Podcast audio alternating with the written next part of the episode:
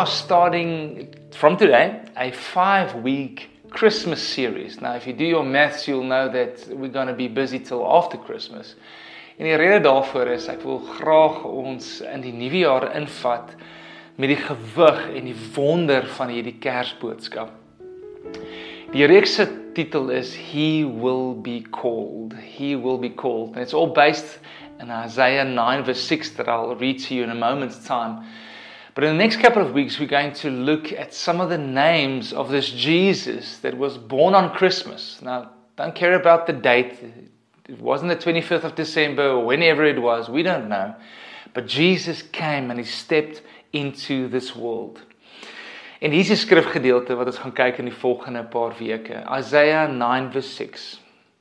For to us a child is born, to us a son is given and the government will be on his shoulders, and he will be called Wonderful Counselor, Mighty God, Everlasting Father, and Prince of Peace. And henceforth the title he will be called. Nou, uh, ek en Isabel het die voorreg al gehad om drie kinders te moes name gee. Ons het drie klein rakkers in ons huis en elkeen van hulle twee name. So dis ses name in totaal. Now if you ever had to choose names for your children, you'll know that uh, there's a couple of unspoken rules, and it's it's quite a daunting task because this is what you're going to name them for the rest of their lives. They will be known by this. Daar's een van die groot reëls is moet asseblief net nie 'n naam van 'n ex kies nie. Okay. Ehm um, iemand in jou of in haar ehm um, verlede, daai naam mag nie eens genoem word nie. Ek spot sommer. Maar ek kies nie so 'n naam byvoorbeeld, nê? En dan die tweede reël wat ek ook agtergekom het is pasop vir wat die naam in verkleiningsvorm na kan klink, want dalk word die kind op 'n stadium gespot in hulle lewe um, op op skool eendag en ons kind se naam is Wynand. Nou dis 'n familienaam en dis ook vir ons 'n sterk naam en wat dit vir ons sê, maar ook daar moet ons baie versigtig wees. Uh, hoe gaan die Wynand naam van die jaar vorentoe gaan? So ons maak hom nou groot op vrugtesap. But in this scripture in Isaiah 9, verse 6, the prophet Isaiah, 700 years before Jesus came to this earth, he's prophesying. He is literally um, uh, saying this amazing Messiah will be called something very specific. And he's, he's, he's giving him four names Wonderful Counselor, Everlasting Father, Mighty God, Prince of Peace. And we'll be covering those four in the next five weeks. And then we're also at Christmas, um, we're going to stand still at the topic a son was born, a son was given us, unto us a child is born. En vandag gaan ons dus inspring hierdie belangrike naam Wonderful Counselor. Wonderbare raadsman. Ehm um, sê die sê die Afrikaans dan ook. Nou as ek in die Hebreëus sal inspring van hierdie twee woorde om net mee te begin. Wonderful counselor. The Hebrew words are pele yoez. Pele yoez. You'll see that on the screen and pele means literally beyond understanding, too wonderful for words and yoez means the counselor, the one that advises or that guides and consults. Now, if you think about Isaiah prophesying 700 years ahead, thinking about this Jesus, this Messiah, and inspired by God, the first word that he uses to describe him is wonderful. That's that word pele. And it's as if he can't get the words to describe him because it's beyond understanding. It is too wonderful for words. And isn't that exactly who Jesus is? You know, I've been serving Jesus for almost 26 years now, and and there are moments where I just sit back and I'm just absolutely in awe. I don't have words, I just have worship and saying, Jesus, you are so wonderful. But He's the wonderful counselor, the scripture basically tells us. And that means that, yes, He's the Alpha, the Omega, He's the beginning and the end, and He knows exactly what we're going through. And this wonderful counselor also knows what we need. Nou, ek weet nie van jou of jy al ooit by 'n beraader in jou lewe was nie of iemand wat jou moes raad gee. Ek was al 'n paar keer in iemand se kantoor of gaan stap in die veld en gesê, "Hoor asseblief, gee my raad. Ek weet nie wat om hier te doen nie of ek het hierdie probleem." En gewoonlik sal jy gaan na iemand wat begrip het vir jou situasie, iemand wat selfs al deur 'n soortgelyke ervaring is. Want dan weet jy hierdie persoon gaan vir jou raad gee uit 'n plek van ervaring uit. Someone who knows what you are going through or has has some form of compassion and empathy or sympathy with your situation. Now if you think about this Jesus, this Peleioes, our wonderful counselor. There's a scripture in Hebrews 4 that says, For we do not have a high priest who is unable to sympathize with our weaknesses, but we have one who has been tempted in every way, just as we are, yet was without sin. Let us then approach the throne of grace with confidence so that we may receive mercy and find grace to help us in our time of need. Sien hierdie Jesus, hierdie hoëpriester, hierdie wonderbare raadsman weet waar dit ek en jy gaan. Hy weet ook wat hierdie jaar gebeur het. Hy weet hoe moeilik die laaste 2 jaar was. You see the thing is Christmas sometimes we paint this picture of this this romantic um um um stall en hier's 'n donkie en daar's 'n skapie wat pragtig lê. Nee, maar die goed stink. En hulle blær en dis nie lekker nie. En God kom in daai wêreld in. Hy word gebore in hierdie stikkende gebroke wêreld van ons in, nê. Dit beteken he's able to sympathize with our weaknesses. He was tempted in every way. He knows temptation. He knows what we're going through, friends. Yet he was without sin. Therefore he's qualified to give us counsel. Hy weet hoe, hy verstaan dit. Baie keer dink ons maar God is so ver en hoe sal hy weet van my probleme? Nee, hy verstaan. Hy weet, hy was 'n mens, hy's gebore in ons gebroke wêreld in. En hy verstaan die pyn en die stikkindheid wat ek en jy baie keer mee worstel en waar ons dan berading voor nodig het where we need a wonderful counselor. This makes him approachable. That's why that verse says let's approach the throne of grace to help us in our time of need with confidence. I can confidently go to this um, this wonderful counselor in my life because he entered into our world and he knows what I'm going through. The other thing that's so amazing is with the wonderful counselor, he doesn't just sympathize with our weaknesses. He actually came for people like me and people like you.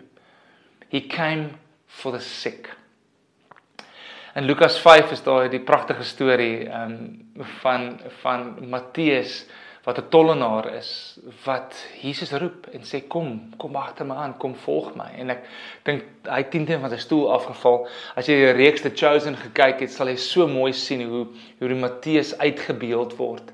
As hierdie man wat deur almal net verag en uitgestoot word want hy's eintlik 'n bedrieger hy's 'n henshopper. He betrayed his own people. He took money from his own people and gave it to the enemy the Romans He never belonged. And yet, here's Jesus. He calls him, says, I want you, Levi, Matthew, to follow me. He can't believe it. He throws a party. He invites all his sinners' friends, his, his, his other tax collectors' friends. Hy hy hy hy, hy nooi al sy Romeinse buddies vir wie hy bietjie geld op die tafel deurgegee het en hy nooi sondaars en Jesus kom kuier saam met hulle. En dan natuurlik kom die die die fariseërs en die die die godsdienstige mense sê maar hoe kan Jesus hierdie heilige Jesus saam met hulle kuier? En dan sê Jesus die volgende in Lukas 5 vers 31 en 32 It is not the healthy who need a doctor but the sick. I've not come to call the righteous but sinners to repentance Jesus came for the sick and he came for the sinners to do what? Not just to leave us in our sin and say it's okay. No. He called us to repentance, but he came for people like you and me. So today I'm curious where are you sick? Where are you hurting? Where do you need the wonderful counselor in your life? Because truthfully, we are all at some point in our life sick. I've been there many times. En ek praat nie net van fisies siek nie. Ek praat van die sonde in hierdie wêreld, die sondige natuur waarteen ek moet veg. Maak my baie keer net geestelik siek en daar's areas in my lewe wat ek dalk sonde probeer wegsteek, dit almal dink ek's okay, maar eintlik is dit so obvious. Wat van jou vandag? Where are you sick? You know the holidays have this tendency of magnifying good things but also magnifying bad things. En dan is 'n tyd waar ons kan nie agter die werk of agter die kerk of agter die kinders of agter wat ook al wegkruip nie. Suddenly these things come to the surface. And what a wonderful time to go to the wonderful counselor. Miskien is jou siekte vrees. En ek weet dis een wat ons al baie gegryp het. En saam met dit is daar hierdie hierdie angs wat in jou lewe elke nou en dan net daar is. Of of dalk is jou siekte stres, jy stres oor alles en en die onsekerheid wat 2022 dalk inhou en gaan hierdie virus ooit ophou of gaan ek ooit weer werk kry? Gaan ek ooit iemand ontmoet? Gaan ek ooit genoeg geld kan hê? En dis die ander stres, baie mense met finansiële stres in hierdie tyd. Party is of siekte is is alleenheid. It is is a loneliness. We look at other people in this time going away on a holiday and and that for us and hear me right when I'm saying it's a sickness. It's just the metaphor when I say that, but it's it's it's our wound. That's where we're hurting. And then there's a wonderful counselor that says, "Come and bring that to me." For party van ons, maybe it's a family sickness, especially in the holiday time. Everybody's excited to see the family again, but you are dreading it. You're like, I don't want to see my family again. You're trying everything not to be there, trying to dodge that ball. Wat 'n siekte is daar wat wat het. Wat die Here in elk geval als van weet. En hy sê kom, kom na my toe. Met daardie because I'm the wonderful counselor. So here's what I suggest we do with this wonderful counselor. How can we find healing for our sicknesses to help us in our time of need as Hebrews 4 said now? Firstly, let's be brutally honest with the counselor. Dink ons is almal altyd so eerlik met wat regtig in onsself aangaan nie. Ek dink ons is almal altyd so eerlik um, met wat ons dalk mee sukkel nie. Maar ek weet wanneer ons eerlik is en ons kom na Jesus toe, kan daar wonderlike goed gebeur. Baie keer lieg ons net vir onsself want hy weet in elk geval al die waarheid of ons lieg vir mense rondom ons. We try and hide because that's what sin does or sickness does. We try and hide. Ons probeer weg te kruip. Ehm um, Johannes 4 kom Jesus en ontmoet die vrou by die put. And he's having a conversation with her asking for water and suddenly he says to her here in verse 16 of chapter 4 of John he says go and call your husband and then come back. And then verse 70 she says I have no husband. Now, that was the truth that she spoke there because, as we see in the story being unpacked, she had five husbands. The one she had now, she was actually just living with. And she had probably a choice in that moment total stranger to either lie to him or to tell him the truth. And she was brutally honest because in front of her was sitting the wonderful counselor, Jesus. And then, out of that moment of being brutally honest, guess what happened? Jesus starts to share with her the good news that He's the living water. She will never thirst again if she come to Him. And He's actually number seven. He's the ultimate, complete husband. She was looking for love and acceptance in all these six and probably carrying so much hurt and so much pain. And now, since she was brutally honest, she's meeting Jesus in that moment. For some of you right now in this time, it's time to become brutally honest, one with yourself and one, or, or, or secondly, with the wonderful counselor, Jesus. Dis tyd om om eerlik te begin word. Miskien moet jy eerlik word oor waar jy en Jesus is. Daar's tye in my lewe wat ek al baie kwaad was vir hom, waar ek baie teleurgesteld was, waar gebede nie beantwoord is nie. En ek moes leer deur my lewe om daai tye nie van hom af weg te hardloop nie, maar juist na hom toe te gaan. Ek het ook al geleer dat eh, Jesus he's not taken aback by my offense or my hurt. He's very secure in who he is. He can handle my offense. Want hy weet, hy's nooit verkeerd nie. Hy weet hy's heilig. Hy kan nie sonde doen nie. Soos niks wat verkeerd is by hom en daarom kan ek na hom toe kom met vrymoedigheid. I want to encourage you. If you have doubt and even in your relationship with him you're struggling, run to him with your doubt, not away. En wat my dan so mooi is is met doubting Thomas wat eintlik twyfelende Thomas in Afrikaans is nie ongelowige Thomas nie. Hy het net twyfel gehad. Wat sê Jesus? Hy sê kom, kom voel in my sy. Kom sit jou hande, jou vingers hier in my in my wonde en dis wat Jesus doen. Want hy weet die pyn wat hy deur is en die pyn wat ons deurgaan, kan mekaar ontmoet in daai oomblik wanneer ek eerlik is en ek met my twyfel na hom toe kan kom. He's our Peleoes, our wonderful counselor. Let's be brutally honest with him. Secondly, I want to encourage you to listen to the counselor's voice. Hier is die pragtige storie in Markus 9 waar Jesus saam met sy vriende op 'n berg gaan skielik word hy in 'n ander vorm, dis die berg van verheerliking, his transformed body and Moses pictures and Elijah pictures and it's just this glorious moment. En dan is daar nog die stem uit die hemel wat kom en God die Vader nou het hy die, die aandag het van al hierdie jong disippeltjies. Raai wat sê hy vir hulle? Hoor dit so mooi. Hy sê in Markus 9 vers 7, a voice came from the cloud and said, "This is my son whom I love." Essence affection affirmation. En dan draai hy na hulle toe en sê, "Listen to him." Luister na hom. Van al die goed wat God die Vader kon sê in daai oomblik en hierdie pragtige oomblik, sê hy, "Luister vir hom." Listen to him. Can we do that? Can we listen to the counselor? Het jy ooit vir iemand probeer raad gee en hulle uitgestap en nie vir jou geluister nie? En jy weet dit was die regte raad. Dan gaan stamp hulle kop en wragtig weer doen dieselfde ding oor en oor. Ek het dit al baie beleef as 'n as 'n leier van 'n gemeente. Hoe moet die Here nie voel as hy vir ons raad gee maar ons luister nie na hom nie? He seen it's good to be brutally honest, but then there's a place where we need to listen. Then what does he say about our situation? En dis wat ons dan sien is dat God met ons wil praat. Hy praat met ons deur sy woord. Hy praat met ons deur 'n boodskap soos hierdie. Hy praat met ons deur die mense naaste aan ons, deur die natuur. Daai stil stem. Hy praat, hy praat. Die vraag is net, sal ons luister? Johannes 10:27 sê, "My sheep listen to my voice. I know them and they follow me." Is that listening, knowing his voice and then following him? Can we be brutally honest with Him? Can we listen to His voice in this season? And then, thirdly, can we actually do what He asks us to do? Do what the counselor tells you to do.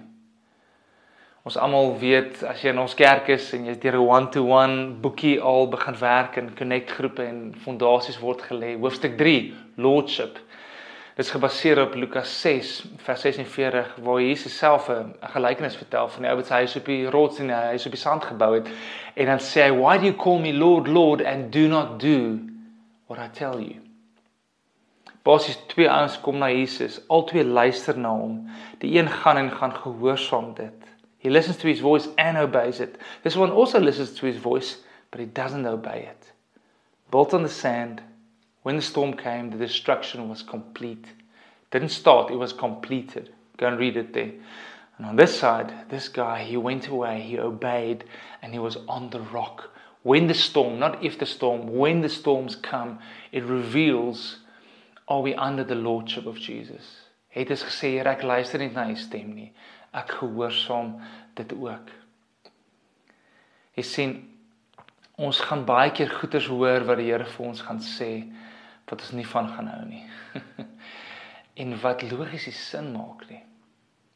Maar remember he's the wonderful counselor. What is God saying to you right now in this season? Maybe something you need to stop doing. Maybe you need to stop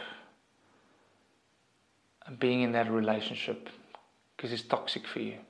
Maybe you need to stop drinking Maybe you're addicted you don't want to be brutally honest to yourself. You cover up by whatever lie you tell yourself or your wife. What do you need to start doing? Miskien is daar goeie ding wat jy begin doen. En en wat sê die Here vir jou? Wat moet jy aanhou doen? Ek weet nie wat die Here met jou praat nie, maar can you become quiet enough in this time to listen to the voice of the wonderful counselor? Because he's doing it because he's good. He's a wonderful counselor. And he wants the best for you. Ek het nie tyd om nou te veel in Markus 10 in te gaan nie, maar is die pragtige storie van die ryk jong man wat na Jesus toe kom. En hy het uiteindelik 'n siekte hier binne hom. Sy siekte is sy sy sy lust vir geld en sy greediness and possessions en hy sê Jesus, wat moet ek doen om die ewigheid te kan beerwe? Dan sê Jesus vir hom 'n klomp goeters en dan sê maar dit doen ek al van kindsbeen af. Hoe mooi is hierdie vers 21 wat sê Jesus looked at him and loved him.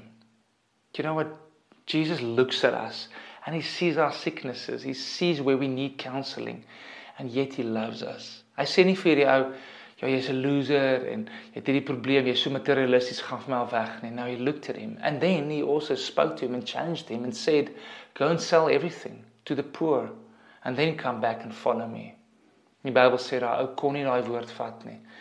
His face fell literally. He was saddened because very wealthy.